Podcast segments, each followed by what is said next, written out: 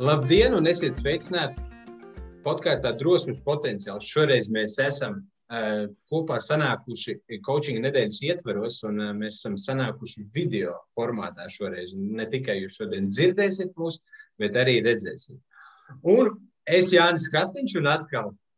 Es Lāsma Poļikeviča. Jā, esam šodien uzaicinājuši ciemos Laura Vanaga, Publiskās runas institūta oratore, līdzdibinātāja un vadītāja, divu grāmatu uh, autore un jogas pasniedzēja, kā arī šobrīd darbojas uh, Startautiskās coaching federācijas Latvijas nodaļas valdē kopā ar maniem. Čau, Laura! Tieši čau. tā, čau! Precīzi. Jā, nu varbūt pastāstīt to, ar, kā tas viss tevi noveda, kas, kas tieši noveda tev līdz šādai dzīvei. Hmm līdz šādai, līdz šādai dzīvei, kas ir kas, līdz tam, ko tu tikko pateici par mani? Varbūt kas priekš tevis, sāksim ar to, kas priekš tevis šī visai ir vissvarīgākais. Vai cik labs jautājums coachinga, coachinga stilā?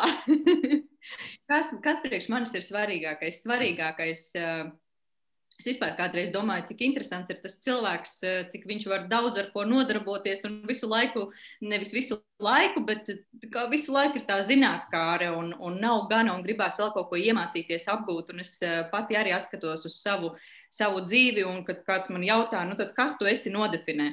Es cenšos, es cenšos, es esmu Laura Vanaga, Laura Vanaga kočs vai Laura Vanaga jogas pasniedzēja vai Laura Vanaga divu grāmatu autora. Nu, nesanāk man ietilpināties vienā. Un ko es varu no tā secināt, ka ļoti daudz, ļoti daudz virzienu, kā tomēr visas upes plūst uz jūru, un ir ļoti daudz to ceļu un celiņu. Bet, eh, bet kā jūs teicat, pirms sarunas, pirms ieraksta, es tiešām jūtu un uzskatu, ka mērķis ir viens - ir attīstīties, kļūt labākiem, kļūt gaišākiem, palīdzēt, eh, pašpalīdzēt sev, palīdzēt citiem, attīstīties. Un, eh, jā, skanēs tā varbūt patētiski, bet gan coachingā, gan jogā nu, tie visi ceļi ved uz, ved uz gaismu, uz sevis izpratšanu, saprašanu. Un uh, pēdējā laikā man jautāja, uzdeva labu jautājumu, centīšos pre precīzāk arī atbildēt, un tas man turēs tādā rāmī uh, par to, kas ir svarīgākais.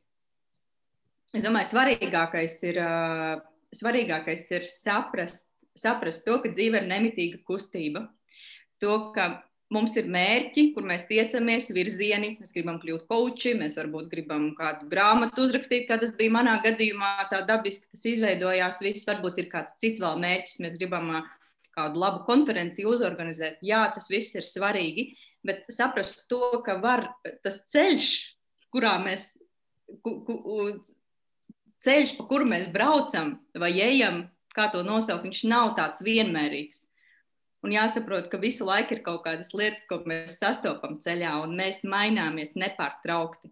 Un tāpēc man jautā, kas ir svarīgākais, mana pēdējā laika atziņa ir laikam nepieķerties, turpināt attīstīties, bet nepieķerties tam mērķim. Mērķis ir labs, bet apzināties visu laiku paturēt prātā, ka tas nav, nekas nav apsolīts. Un, un vērot, jā, Tas ir mans pēdējā laikā, pēdējā laikā, pēdējā laika secinājums. Un, un arī atbildēt uz jautājumu, kāpēc es daru to, ko es daru. Un, ja jau man ir tik daudz šo lietu apkārt, kas ir coaching, yoga, man interesē ne tikai tas, šobrīd es mācos terapiju, rapid transformational terapiju, kas ir man ārkārtīgi interesanti par, par tādu zem, zem, darbs, ar savu, darbs ar manu zemapziņu un darbs ar citu cilvēku zemapziņu, kas ļoti sasaistās ar coachingu. Un atkal mēs meklējam ceļus, un ir tā zinātnē, un es varētu pielikt tādu tenturi tam visam savam ceļam, kas noteikti ir tāda nemitīga zinātnē.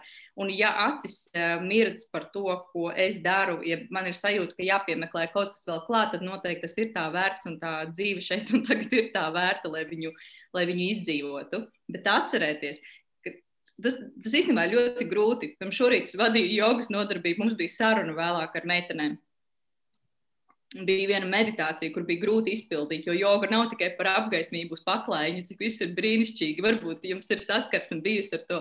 Un mēs uh, metam, saka, ir nenormāli grūti. Ir jāatcerās par elpošanu, jāatcerās skatīties uz degunu galu, jāatcerās uh, skandēt tā, tā mantra, kura vēl nav iegājusies. Ir tik ļoti, ļoti daudz nav viegli un interesanti, un pēc divām, trīs reizēm paliek krietni vieglāk, ir pavisam savādāk. Un tas arī ir tāds ceļš, un tu saproti, ka vienā brīdī tu vari sabrukt un vari pateikt, kam man tas vispār vajadzīgs, ko es te daru, kāpēc es, kāpēc es vispār šo uzsāku. Un, kad tu tiec tam pāri, tad tu arī ieraugi lietas citā gaismā. Mm. Lielas tev paldies par šo stāstu. Man ļoti norizonēja tas un tā tava aizrautība, kā tu runā par visām tām lietām. Un bieži vien, nu, es arī, kad strādāju ar jautājumiem ar klientiem, kad nu, es gribu atrast to savu nodarbošanos, to savu aizraušanos, un bieži vien liekas to savu vienu lietu, ko darīt tagad visu atlikušo dzīvi. Jā, angļu valodā ļoti labi skan tas my life's purpose vai, vai tas passion, ja tā kaislība, ko man gribās. Un tiešām daudziem liekas, ka tas ir kaut kas tāds viens, ko es tagad atradīšu, un tas man būs. Un to ir lielisks piemērs, kā tevī apvienojās tik daudz dažādas tās jomas. Varbūt tu varētu vēl nokomentēt, nu, kā tu uzgāji, ar ko sākās tas tavs ceļš, kad tu saprati, nu jā, ka šī ir tā mana lieta, ka es gribu šo darīt, Un tad arī sastopot vēl nākamo, ah, ka šis arī ir kaut kas, ko es gribu darīt. Kas priekš tevīm bija tas, kas palīdzēja iet šo ceļu? Es varbūt padalīšos vispār par tādu savu, savas, savas karjeras ceļu, ar ko tas sākās un kur tas, kur tas aizveda. Es centīšos nekavēties ļoti ilgi, centīšos būt, būt kodolīga. Ceru, ka esmu to apguvusi un iemācījusies un varēšu likt lietā savas, savas prasmes. Uh, jā, nu, kad es biju maza meitene, man bija divi sapņi. Nu, man, piemēram, arī šobrīd diezgan lielākā daļa klientu coachingā ir par karjeras coachingu, ne tikai publiskā runa, bet karjeras coachings, ko man tālāk darīt. Un es sev pati nesen uzdevu jautājumu, kāds tad bija tavs ceļš. Ja tev tagad būtu jāpastāsta cilvēkiem, tad es varu padalīties. Man bija divi sapņi bērnībā. Es vēlējos, eh, es vēlējos kļūt par eh, TV diktori, tā kā Arta Andersona panorāmā. Arta Andersona, jā, man patika, kā viņa izskatās vēl nesen vienai prezentācijai, meklēju viņas bildi no arhīviem. Nevarēju atrast rakstīju kaut kādiem panorāmas cilvēkiem palīdzēt, prasīt palīdzību. Jā, es vēlējos būt Arta Andersona. Tātad TV diktore, panorāmā runāt un mikro, mikrofons, un, un, un eh, kas, nu, tas darbs ir fantastisks, super. Un otra lieta, es vēlējos kļūt par ārsti. Un es nu, sapratu, tas vispār nesavienojums, bet nu, es, es tā vēlējos. Un tā dzīve, protams, gāja uz priekšu, un bija jāizvēlās, ko mācīties vidusskolā. Un, uh, un tad es sapratu, jāiet mācīties sabiedriskās attiecības. Tas ir noteikti pats interesantākais vispār, kas vien var būt. Nu, tad, tur tas tā žurnālistika, sabiedriskās attiecības, uh, bet uh, tas ceļš izvērtās savādāk. Un es netiku tur, kur es biju plānojusi kļūt. Un es vispār sāku mācīties lietas, kuras manī varbūt nu, nesaistīja tik ļoti, vai es nezināju, nezināju, vai tas vispār man būs interesanti. Un tā ir sociālā pedagoģija, kas vispār nu, sociālā pedagoģija, sociālais darbs. Un tas ir lietas, ko es sāku mācīties. Un kā reāli ir, ja tu izvēlies kaut ko dzīvē, un, un, un tā ir sanācis, ka tu to izvēlies, un tas tev kaut kā pa ceļam tā ir sanācis, bet tas tevi nepiepilda. Nu, es tagad runāšu arī tādā savā, savā valodā, tā dvēsele kauts, viņa, viņa pārdzīvo. Nu, tas nav tavs vispār, tu dari tā, kā tu dari, bet nu, tu galīgi neej par to ceļu, pa kuru tev jāiet. Un tad tu sāc uzdot jautājumus, nu, kas tālāk? Tad te arī paliks šeit, vai var kaut ko mainīt? Un um, man ļoti bija man, man krustmāte jau ir augšā tur debesīs, bet viņa vienmēr stāvēja man klāt un bija man blakus dzīvē. Un, un viņa teica, es redzu, ka tas nav tavs, pamēģini varbūt uzņēmēji darbību pamācīties. Vai, vai, uh, es iestājos augst, vēl vienā augstskolā paralēli, kā biznesa administrācijā. Un es sapratu, jā, dzīve kļūst garšīgāka, interesantāka. Nu, nebūšu tas sociālais darbinieks, sociālais pedagogs. Tās lietas ir interesantas, tur psiholoģija, bet tas vispār nav mans. Lūk, uh, Un tā es uh, iegūstu izglītības vairākas, kā jau es stāstu par šodienas ceļu, tā arī par to laiku, sociālā pedagoģija, sociālais darbs, biznesa administrācija. Tieši tik daudz, un šie tieši tik nesakarīgi tajā brīdī. Un ko tālāk? Tālāk, tālāk jāiet maģistrantūrā, un, un maģistrantūrā izvēlējos personālu, personāla vadību. Un tādā jau tas ceļš, tā angļuiski sakot, smūslī aizgāja, aizgāja uz tām lietām, kas vairāk saistās ar biznesu. Un, uh, Un tad sākās mana karjera starptautiskos uzņēmumos, Tetrapak, Henkel, vesela krēla, vesela, virkne dažādu uzņēmumu, pārdošana. Un uh, tieši pārdošana, darbs pārdošanā bija tas, kas sapratu, tas ir interesanti. Un tad tā zinātnē sākas, un ir iespēja sevi realizēt visdažādākajos eh, veidos, jo pārdošana tas ir tāds kosmos, kur tu vari sevi iztestēt. Un tas ir liekas, viena no profesijām, kur cilvēki vienmēr saka, dodiet man darīt visu, tikai ne pārdot. Un uh, vienā brīdī, kad arī tas ceļš ir iziets, un tomēr tev ir maģistra grāds personāla vadībā, un vienalga nav labi, un jāsāk darīt kaut kas pa tēmu. Un jautājums, kas ir tas pa tēmu? Un tad es sāku strādāt, sākās mana karjera kā headhunterim personāla, eh, personāla atlases uzņēmumos, un tad es sa reāli sāku just, kā tas ir darīt to, kas tev nu, nenormāli aizrauja un interesē. Un, uh, Un, un drīz vien, tas, domāju, kurā brīdī tas coachings, jā, es strādāju Eiropersonāls, Eiro, uzņēmumā Eiropersonāls, un, un vadītāji teica, klau, mēs te vairākas meitenes gribam coachingu mācīties. Nu, es vispār pirmoreiz izdzirdēju 2010. vai 2011. gadā vispār to vārdu coachings, kas tas ir. Sāku par to lasīt, rakt, tā mēs tur, liekas, mēs bijām četras, piecas dāmas, kuras aizgāja mācīties uz Rīgas coaching, coaching skolu. Un es sapratu, ka šī pasaule vispār ir totāls kosmos. Man ļoti interesē tas eh, un patīk tas faktors, ka mēs skatāmies uz resursiem, kas ir šodien, šeit un tagad, un ko mēs varam izdarīt. Un šita, nu, ja ar šo var palīdzēt pats sev tik lieliski, arī savā tajā darbā, kur tu atrodies, un, un citiem tas arī palīdz, tas noteikti ir tā vērts to nu, mācīties un, mācīties un uh, apgūt. Jā. Nu, tā, es, tā, es tā atceros par to. Un, un tas bija tas eh, coachinga posms. Jā, es kļuvu par coachu 2012. gadā, un tieši 2012. gadā interesanti es arī mm, kļuvu par, eh, par jogas pasniedzēju. Mēs mācījāmies tādā starptautiskā kursā. Un tad jautājums, kāds tad, eh, kā, kāda saistība šiem abiem - coachings un joga. Un kad es sapratu tās divas lietas, coachings un joga, es sapratu, tas ir kaut kas tāds, ko var apvienot. Jo arī Un, teiksim, tā joga. Joga viņa paceļ, viņa iedvesmo, viņa atraisa, viņa, es pati sevi iepazīstu un, un ļauju būt sev pašai, ļauju būt sev autentiskai, un es to varu dot cilvēkiem. Un coachingā ir tāpat. Es saku, ka tu dod to vietu, vietu un telpu cilvēkam, kur viņš var atrast atbildes un būt pats. Super, man, man nu, ļoti da... Ceru, ka man ļoti... neuzkārās internetā. Tas ir nenormāli aktīvi, aktīvi stāstījumi. Nē, viss kārtībā. Un es, es, eh, es arī skatos, un es arī biju savā pasākumā, arī bija kas brokas pirms eh, kaut kāda laika. Un es vēroju, arī nu, man patīk vērot cilvēkus, un tu izstāstīji nedaudz savu bērnības stāstu, un tu ej, un tagad saki, ir, ko es šodien dzirdēju no tevis, ir daudz ceļu, un jā, tās ir grāmatas, joga, coachings, uzstāšanās māksla, viss kopā, un tie ir daudz ceļu, un tu teici, tu mainies. Man būtu tāds jautājums vairāk, ka tu ej pa šiem ceļiem un caur šīm vietām, eh, caur oratoriju, caur eh, jogu, caur visām. Kā mainās joga, kā mainās šīs vietas, esot Laurai tur? Man laikam mazliet uzkārās uh, internets, jā, jāatzīst un es nedzirdēju pēdējo jautājumu. Pēdējo jautājumu? Cik tālu tu dzirdēji? Kas bija pēdējais? Mm -hmm. Kā mainās Laurai? Un tad pa vidu kaut kāds pārāvums. Ah, jā. Kā Laurai te... mainās? Kā mainās jā. Laurai? Kas man? Jā. Tu teici, ka tu ej caur šīm visām vietām, tiem ceļiem, un tev mainās. Viss kaut kas tu mainies. Tavā dzīvē kaut kas mainās. Es gribēju jautāt, kas mainās šīs vietās, konkrēti jogā, šīs uh, oratori, Laurai klātesoši, kad klau, Laura ir klāt tajās vietās?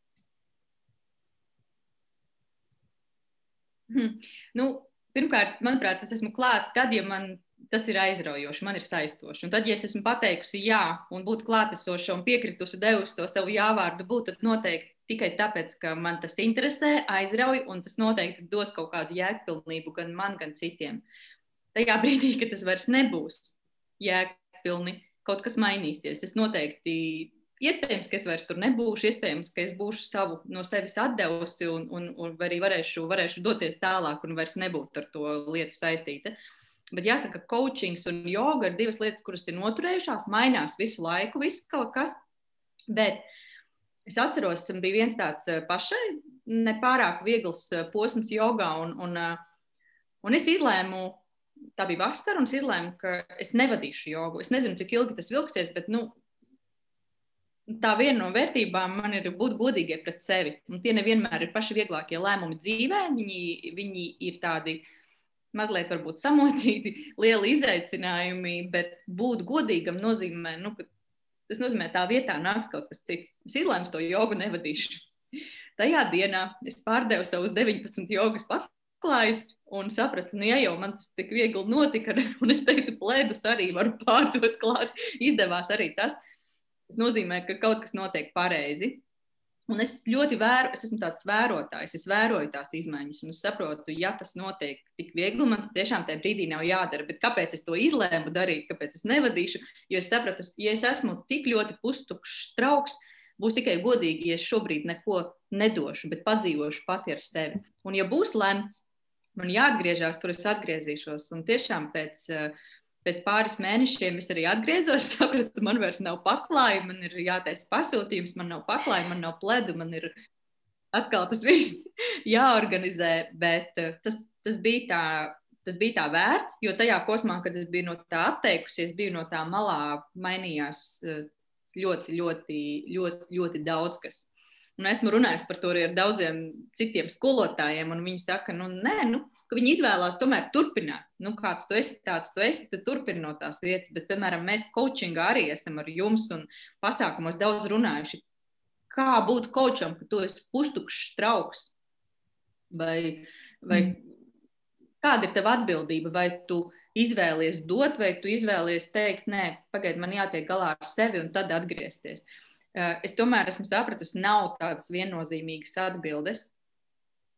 Jo mm, atgriežoties, piemēram, jogā, es sapratu, ka nevienmēr es būšu tā pilnā, super uzlādētā, enerģiskā Laura, bet es iedošu to, kas man tajā brīdī būs. Pat ja man būs maz, tas kā, ja tev ir puskonfekti, tad dod puskonfekti. Ja tev ir vēl mazāk, tad dod vēl mazāk, bet iedod tik, cik tev ir.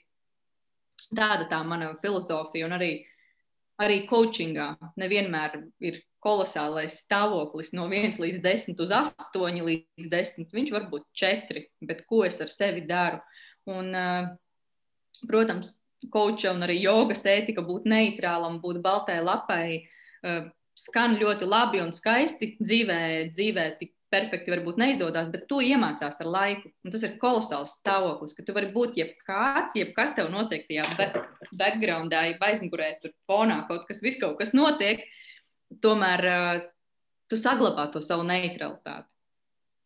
Mhm. Tā kā tā ētika tikai nav lapas uzrakstīta, tas ir, tas ir uh, ļoti, ļoti uh, svarīgi atcerēties. Nu, dot to vietu, vietu tam cilvēkam, kurš pie tevis atnācis uz jogas nodarbību, vai dot to vietu cilvēkam, kurš, kurš pie tevis ir coachinga, coachinga sesijā.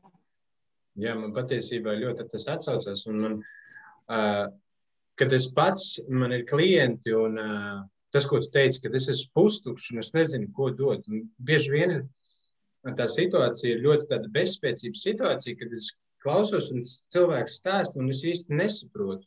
Nu, es ne, vai es nesaprotu, vai man nav tā resursa iekšējā, ko viņam dot. Un, un es atklāju sevi to tādu interesantu lietu. Tad, kad es nezinu, ko dot, tad te parādās ļoti spēcīga un brīva vieta uzticībai klientam. Tas nozīmē, ka es viņam uzticos, kad viņš zina šo pareizo atbildi. Un man tikai atliek uzdot vienu kaut kādu ieinteresētu jautājumu, kur viņš pats uz... sapratīs, uzzinās un ieraudzīs. Un es to varbūt pat nesapratīšu, un varu pat nepieņemt, bet viņš to pieņem un saprot. Man liekas, tā ir superīga vieta tieši coachingā. Un tas ir tas uh, manis kā coacha, varbūt tāds, uh, tāda vēl viena kompetence, ko trenēt pašam sevi. Jā, es redzēju, Lārs, tev bija pirms mirklīša jautājums. Jā, tu redzēji man jautājumu. Forši. Eh, jo, jo tas, ko es dzirdēju, nu, būt godīgai pret sevi, un arī Jānis tagad, ko minēja, tā uzticēšanās, tas viss īstenībā tam apakšā ir tā drosme. Un mēs esam ļoti daudz par to runājuši šajā eh, podkāstā, nu, kad arī drosme tev ir izvēlēties vai nu tajā brīdī doties tādā stāvoklī, kādā tu esi, vai nu tomēr pateikt nē un izvēlēties, nu, ka šo, šoreiz tā kā nē. Un uh, skatoties uz tevi, liekas, ka tev viss lieliski izdodas. Tu proti uzstāties, un, un viss ir ideāli, bet mēs jau zinām, ka nav cilvēku bez bailēm. Ne? Bailes ir mums visiem. Jautājums, kā mēs tiekam ar to galā. Tāpēc uh, man te ļoti gribās uzjautāt, kas ir tā tava formula, vai kas tev dod to drosmi un pārliecību uzstāties, teikt jā jaunām lietām, arī kad tu redzi, ka tas varētu būt forši, bet tāpat tas ir kaut kas jauns un nezināms, un tur jau arī rodās tās bailes. Tad kur tu rodi sev drosmi? Es laikam atbildēšu savādāk nekā līdz šim. Esmu atbildējis, kad man kāds to jautā. Es vienkārši, es esmu tā, tā ir mana daba. Es nevaru no sevis aizbēgt, un uh, es esmu tāda noteikti ne piedzimusi, bet, bet izveidojusies, bet tas, ar ko gan es strādāju, un ja tu jautā, kur es dabūju ar to savu iekšējo bērnu, lai cik būtu dzīves posmos grūti tas, vai, vai, vai gribās pašņukstēt par to, tas viss ir ok un to vajag darīt. Bet, uh, man laikam to lielāko dzīves prieku, drosmi un to visu dot tā iekšējā bērna sajūta, pasmieties arī tad, kad grūti un atrast to. Nu, manuprāt, es nesen formulēju, kas ir, kas ir pārliecība. Jo pārliecība man ir pārliecība, ka pārliecība ir pievilcīga. Un, eh, un pārliecība ir uh, dzīvesprieks, un pārliecība ir būt dzīvespriecīgam, un uh, smieties, un priecāties un tvert dzīvi viegli. Mēs tik ļoti daudz ko mēdzam samudžināt un, un savā galvā, savā smadzenēs savirpināt, ka problēma radās vien bieži vien no tā, ka mēs ar to domu esam aizveduši kaut kādos nenormāli gudros neceļos. Un, uh, manuprāt, mēs jau ar Jānu par to esam runājuši. runājuši. Mums arī mēs esam kolos, kolosāls kolektīvs. Man ļoti patīk mūsu komanda, arī, arī ICF. Un, tu zini, mēs dāmas tā un šitā. Un Jānis saka, bet ir taču tā. Man tāpat man ļoti simpatizē tā vienkāršība, kā, kā, kā vienkāršāk paskatīties vieglāk, vieglāk uz lietām.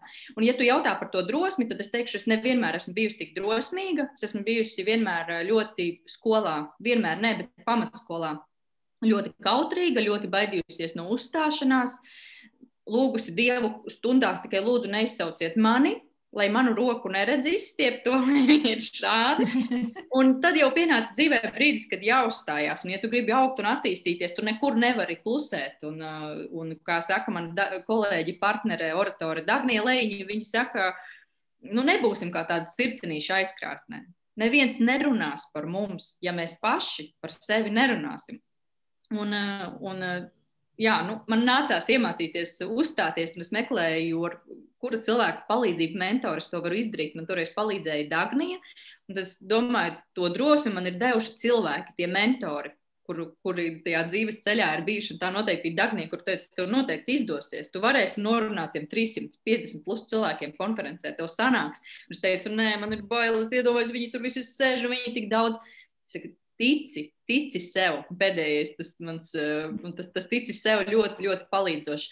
Un ar to tici sev eh, mēs oratorē arī palīdzam savām, savām klientēm, kuras pie mums vēršas un jautā, lūdzu, palīdzi pārvarēt tās bailes, un uzkā, uzkāpt vispār uz skatuves. Nu, šobrīd ir Zoom skatuve, bet kā man ieslēgt kameru, kā man sākt runāt tiem cilvēkiem, vai arī, ja tā ir dzīvā skatuve, kā man spērt to pirmo soli un sākt runāt. Un uh, tici sev, tu to vari. Un tas mūsu primārais uzdevums, kā mēs strādājam, uh, oratorē, ir, uh, ir balstīts uz coachinga metodes, un mēs iedrošinām. Mhm. Sakam, tu to vari, tev izdosies, ja tu zini, kāpēc tu to dari. Mēs ļoti daudz strādājam ar mērķiem, un te ir tā ļoti laba sasaiste. Un es jau iepriekš minēju, mēs neesam profesionāls aktrises, vai, vai mums nav citu, mums ir katrai savs pieejams. Dagnija ir komunikācija eksperts, es esmu coach, 2012. gada, un man ir, man ir sava pieredze. Bet tas, par ko visvairāk cilvēki mums saka, paldies īpaši sievietes, jo mūsu misija ir strādāt tieši ar sievietēm. Saka, es tiešām tev noticēju, un ja es vienu reizi spēju to izdarīt, es noteikti spēšu vēl. Un tas iedvesmo, tas ir pievilcīgi. Jā, runājot par tām bailēm, ne, laikam tas tas ekspektācijas, un citreiz arī, zināt, kaut kas jāuzzīmē, piemēram, es taču neprotu zīmēt. Tad es domāju, es varu ļoti labi uzzīmēt sliktu zīmējumu. Un tā ekspektācija, ok, es uzzīmēšu sliktu zīmējumu, bet tik labi, cik es māku. Līdz ar to tas zīmējums, mans labākais zīmējums, kādam viņš nepatīk, bet viņš ir. Jā, es varbūt man pašam tas jautājums bija vairāk par publisko runu un vispār tā plašāk par, varbūt. Uh, Cik svarīgi tagad vispār ir tā publiskā runāšana sabiedrībā un kopumā, jo es, nu, vismaz varbūt vienkārši es esmu tajā sabiedrībā, kur daudz uzstājās un runā, un arī jūs un koči. Bet uh, kopumā uh, vispār komunikācija varbūt pat plašāk, jo mums tāds esam daudz arī jaunieši iesēdušies datoros varbūt un kaut ko tādu, un viņi neprot komunicēt dažreiz, nu, tā vismaz izklausās. Un uh, cik svarīgi viņi ir vispār cilvēki? Mm -hmm. Varbūt sākšu ar pēdējo pēdējo tavu jautājumu atbildēšu par jauniešiem. Jaunieši ir vēl viena sadaļa, ar kuru mēs strādājam. Pirms diviem gadiem pie man, man pirmo reizi piezvanīja viena, viena mamma un teica, vai tu jautāji, vai tu vari palīdzēt manam 16-gadīgajam dēlam. Viņam ir bailes uh, uzstāties, viņam ir bail, viņš ir nedrošs un uh, vispār tulīt būs eksāmeni, un viņš nepārāk komfortabli jūtās.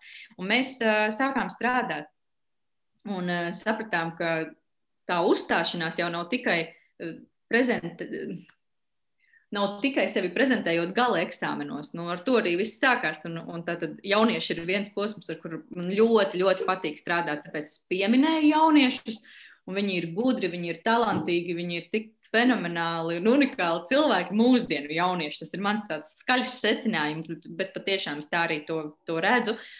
Un, uh, tā ir tāda bauda, ka cilvēks, kurš ir baidījies, nedrošs, viņš pēc, pēc tam trīs līdz piecām sesijām, viņš saka, bet man izdevās, es varu. Es strādāju ar meiteni arī, kurā mazliet raustīja valodu tajos brīžos, kad bija milzīgs stress. Un mēs ar to stresu konkrēti arī strādājām, apskatījāmies, kāds tad tad coachinga bāzes, kāds tas stress izskatās, kā, kā, kā tu viņu zīmētu, kas ir ar viņu, kas notiek tajā brīdī, kad tev tas uh, stress ieslēdzās. Un viņa viņu burtiski ieraugot, vizualizējot, tika tam pāri. Tā ir liela bauda. Bet par to uzticēšanos, ne, bet par to uzstāšanos eh, mūsdienās. Kāpēc tu jautāji, vai kā vispār ir uzstāšanos? Kad iestājās pandēmija, mēs sapratām, ka mm, tātad mēs pārējām uz video, video tiešsaistēm, un mēs visi kļūstam par tādiem TV diktoriem, jeb diktoriem. Nu, ko tas nozīmē? Ka mums jāuzstājās katru dienu un jāuzstājās visiem. Arī jūs šodien abi divi esiet tādi panorāmas diktori, kā man bērnībā gribējās savu sapņu, sapni izsapņot. Un tā arī mēs visi. Šobrīd mēs esam datorekrānos, mēs nezinām, cik tas ilgi būs. Un, un, uh, mēs pieļaujam, ka šis daļēji vai lielākoties ir uz palikšanu. Mums jāmācās tad uzstāties katru dienu. Un kā sevi, kā sevi prezentēt tieši saistē, kā sevi, kā sevi pieteikt. Un tur ir virkne lietu, par kurām ir jāpa, jāpārdomā. Lai, lai tas izdotos. Un tas nenoņem atbildību, ka saka, nu, tagad man ir datorā vai man ir digitāli, tagad es mazāk gatavošos. Nē, ir, ir, ir jāgatavojas cītīgi, jāpārdomā fons, jāpārdomā, ko es teikšu. Vispār jāpārdomā, kāpēc es esmu šai sarunai piekritis. Piekritusi, tas ir labs jautājums. Kā, es teiktu par to video komunikāciju. Tā ir mana atbilde. Uzstājamies katru dienu, ja vēlamies būt redzami. Jā. Un es zinu, ka tur ir ļoti daudz dažādas šīs mazās lietas, vai ne, pie kā piedomāt, kaut vai tīri tehniski, kur man arī šeit blakus ūdens glāze ir vai viss kaut kas pārējais. Bet kā ir ar tām cilvēciskajām īpašībām? Jo katrs jau tomēr ir piedzimis citādāks, vai ne? Katrs, kāds var būt kautrīgāks, kāds runātīgāks. Kas, tavuprāt, ir tās, tās cilvēka kvalitātes, ko mums, uz ko vairāk balstīties un ko mums attīstīt, lai mēs drošāk uzstātos. Kur viens no tiem iespējams bija arī saklausīt tas dzīves prieks, tvert visu vieglāk mācīties. Kas priekš tevīm būtu tādi tie svarīgākie stūrakmeņi, uz kā balstīties tajā tīri mūsu personībā? Nu jā, tas dzīves prieks tā ir viena no lietām, kuru, kuru vajag attīstīt, jo, jo, kā jau mēs iesākām šo sarunu, dzīve nav tāds vienvirziena ceļš, bet uh, tikpat svarīgi saglabāt ir zinātkāri. Uh, starp citu, otrajā, ot, otrajā grāmatā, kā gūt panākumus Latvijā, pēdējā pēdējais stāsts ir ar Olgu Kotovu. Šim vienīgo sievieti no Baltijas, kur Everestā uzkāpa. Viņa par to zinātnākāri, ziņkārību ļoti, ļoti labi stāsta.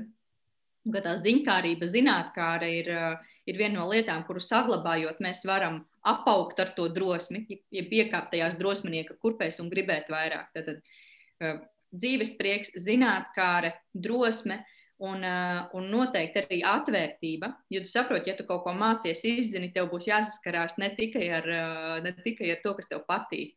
Tavā ceļā būs cilvēki, kuri tev neuzrunās, kaut kas tev nepatiks, bet, bet būt atvērtam un, un, un, un pieņemt. Būs tādas situācijas, un kā es ar tām tikšu galā. Tātad būt atvērtam, būt elastīgam. Tas ir tādā ideālā, ideālā versijā. Bet, ja atkal mēs nonākam pie tā, kā būt drosmīgam un varbūt kā, kā man tas ir izdevies, nu, tad es varētu apvilkt un pasvītrot to vārdu, vārdu zinātnē. Ir interesanti, kā mazam bērnam. Kā var, kā var uztren, uztrenēt to zinātnē, to atvērtību? Kā, kā, kā īstenībā, jo nu, ir tie bloki cilvēkiem, nu, kā nu es tur nē, un tās bailes un viss, un kur dabūt to drosmi, to visu. Tas jau teorijā viss ir skaisti. Ja Ej, dari, nu tā, varbūt kaut, kaut kur, kaut kur, kur, kā, kā, kur rast spēku ieslēgt to to, to zūmu atnākt un uztaisīt to podkāstu, izmest un aizvērt acis, tad redzēs, kā būs. Zināt, kā arī kā uztrenēt. Es nezinu, es domāju, tas ir par dzīves uztveri vispār domāšanu, mindsetu. Mm, ja tev patīk dzīvot un dzīve tev kā tāda liekas krāsaina, simpātiska, tad arī tvert, tvert tās mazās lietas pamanīt.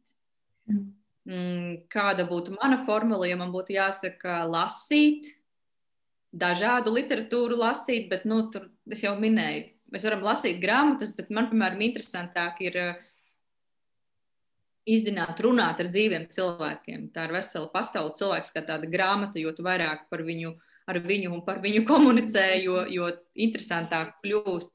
Un, uh, es nezinu, pat uh, maz, mazas lietas. Uh, es zinu, jums abiem ir uh, bērni, man arī ir bērni. Un, uh, piemēram, man šobrīd puika ir tādā vecumā, viņam ir septiņi gadi.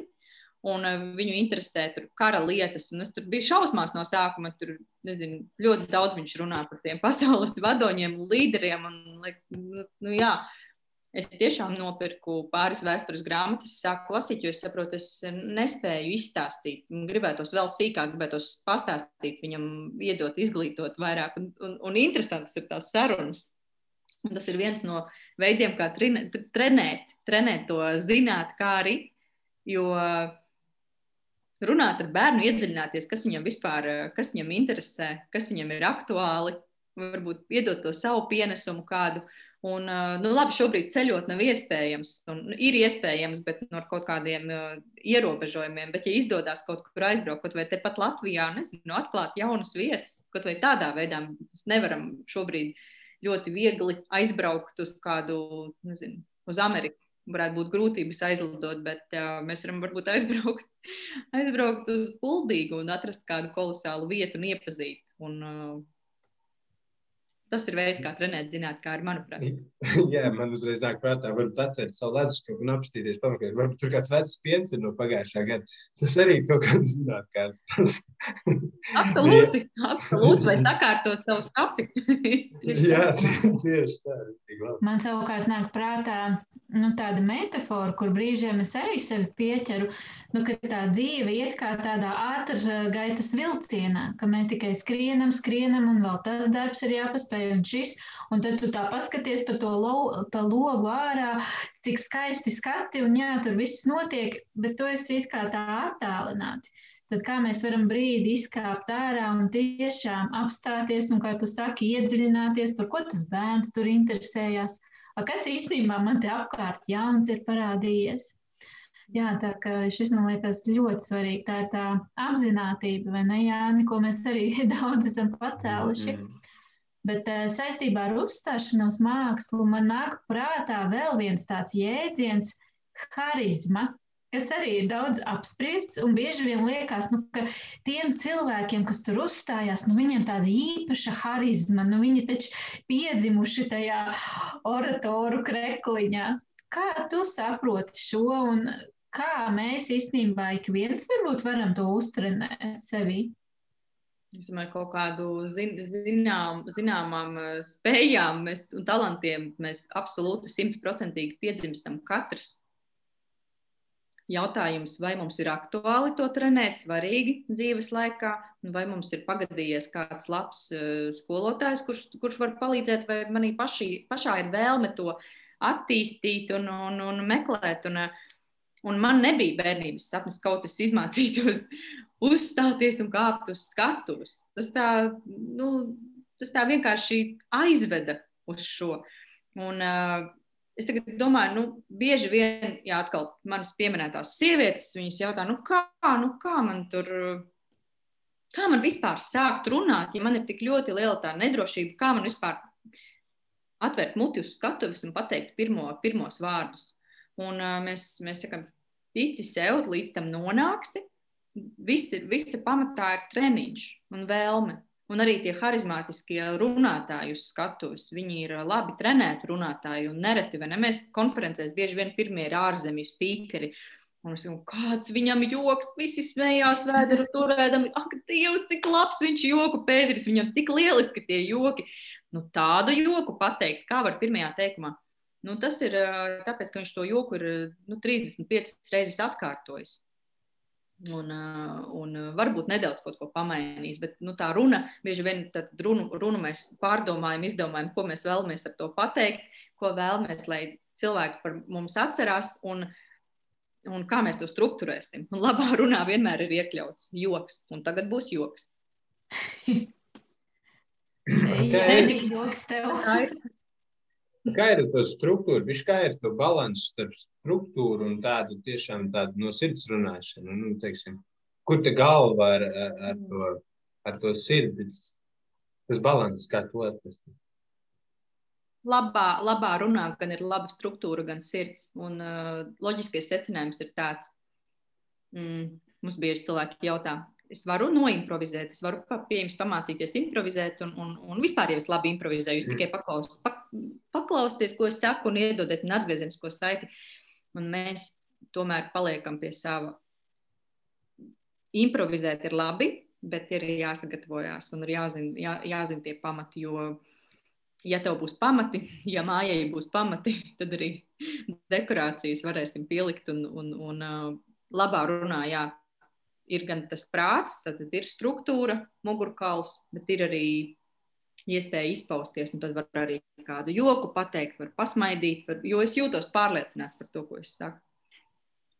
Un auditorija vienmēr to jūt. Ir gatavojies runātājs, vai viņš kaut kur ir aizpeldējis, vai, vai joprojām peld un īsti nezinu, ko teikt. Un tad ir tie komentāri. Nu, es īsti nesapratu, es īsti neustvēru. Mm -hmm.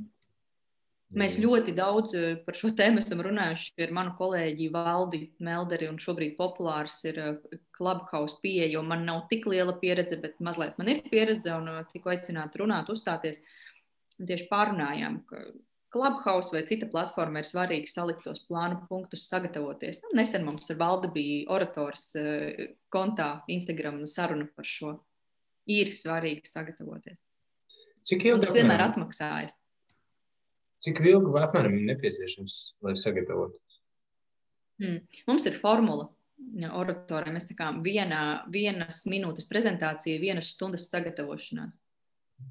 Tātad viena stunda, mhm. vienas stundas prezentācija, desmit stundas. Nu, tā ir cītīga gatavošanās. Un, protams, tās desmit stundas var nebūt šādi pēc kārtas, bet mēs ieplānojam, sagatavojamies. Un tāpēc cilvēki arī nāk pie mums un saka, man ir konkrētajā datumā prezentācija. Palīdzi man ar struktūru, palīdzi ar pašu prezentāciju, un lai es jūtos komfortā, paturi tādā vieglā tonusā mani, jo es gribu labu rezultātu. Un tad ir daudz vieglāk, saprotamāk strādāt, ka tas mērķis ir tik uh, konkrēts kā coachingā, mēs zinām, uz ko mēs ejam, kāpēc. Mm, viss sakārtosies, rezultāts būs. Mm -hmm. Mēs Ok, mēs ejam principā jau uz gala beigām. Varbūt tu varētu pastāstīt, ko tālāk tu darīsi un kāda tev turpmāk plāna ar oratoriju, ar jogu, ar grāmatām vai vēl kas jauns varbūt ceļš pavērsties. es pati noškurinos dažreiz no tā, tie plāni ir, plāni, plāni ir lieli, plāni ir, plāni ir labi. Es jau trešo gadu esmu pie, piederīga BNI, jeb uh, Business Networking International, kas ir lielākā tīklošanās organizācija pasaulē, un esmu starptautiskajā grupā. Tur šobrīd man ir iespēja trenēt cilvēkus no visas pasaules. Tas nozīmē, ka viņi gatavojas, gatavojās savam piecu minūšu iznācienam. Nu, tad, Mēs kopā ar kolēģi no Dienvidāfrikas, Kolinu, piedāvājam viņiem sesijas angļu valodā, kā atbalsta sesijas, un vēlāk tas ir kā tāds uh, pakalpojums. Un uh, šobrīd es visu savu sirdi un savu enerģiju atdodu šajā projektā, kur, uh, kur iespējas satikties ar tik daudzām kultūrām, ar tik daudziem cilvēkiem no dažādām kultūrām, no pusēm, no, no, no Amerikas, no Itālijas, no Somijas, no Izraēlas. Un, un, un uh, palīdzēt. Un tu saproti, cik tas, cik tas man ir interesanti. Tā, tā man ir jauna pasaule, ļoti krāsaina, interesanta un uh, dod gandarījumu dzīvot. Ka tas šobrīd ir tāds lielais, lielais mans mērķis un tā ikdiena paiet. Un, un, un, protams, Kočinga federācija paņem paņem laiku, un tur mums arī ir lieli mērķi, un mēs būvējam vīzijas, un mums ir savi skatījumi, kā, kā iet uz priekšu, un, un, un tas, arī, tas arī paņem laiku. Un uh, trešais ir noteikti jogas pasaule, kur arī šobrīd organizēju jau starptautisku, starptautisku grupu, jo kontakti ir un pēc angļu valodā sākt vadīt nodarbības. Īsumā Wow, īsumā, bet eh, būtībā to aptvēr ļoti daudz, un tie plāni ir grandiozi un tiešām var iedvesmoties. Un citreiz varbūt atkal cilvēki klausās un ārprāts, un tad skatās uz savu dzīvi, un, un kā tu teici, tāda vēsele kauts, bet vai man tas ir viss? Un tad, ja mēs paklausāmies šobrīd arī tevī, tad atbildi ir pilnīgi noteikti nē, tas nav viss. Uh, ik viens no mums var vairāk sasniegt, ir mums jāatver, kā, kā tu minēji šajā sarunā, tas dzīves prieks, zinātkāre, jāmēģina piekļūt tai savai drosmei. Un, jā, priekš manīm arī tie atslēgas vārdi ir treniņš un vēlme. Jo tikai darot, mēs varam izdarīt vairāk un sasniegt tos savus plānus. Tā, tas ir tas, ko mēs novēra, novēlam arī mūsu uh, klausītājiem, skatītājiem šajā reizē, un arī lai jums izdodas. Jā, paldies! Jā, man arī bija viens ieskats, jā, ko es šodien arī man patīk tā zināt, kā man patīk tas ceļš, es tev neuzdenu gan jautājumu, jo tu teici, tie ceļi ir tik daudz uz dažādām pusēm, bet es domāju, ka ne, vajag būtiski katram no mums neaizmirst, kas tad ir tas pats ceļa gājējs un uh, kas tad es esmu, un no tā tieši ceļa gājēja izriet arī tie pārējie ceļi. Novēlu visiem apstīties. Paldies jums liels par iespēju. Labi, super. Paldies jums visiem. Jā, atā. Paldies. Atā.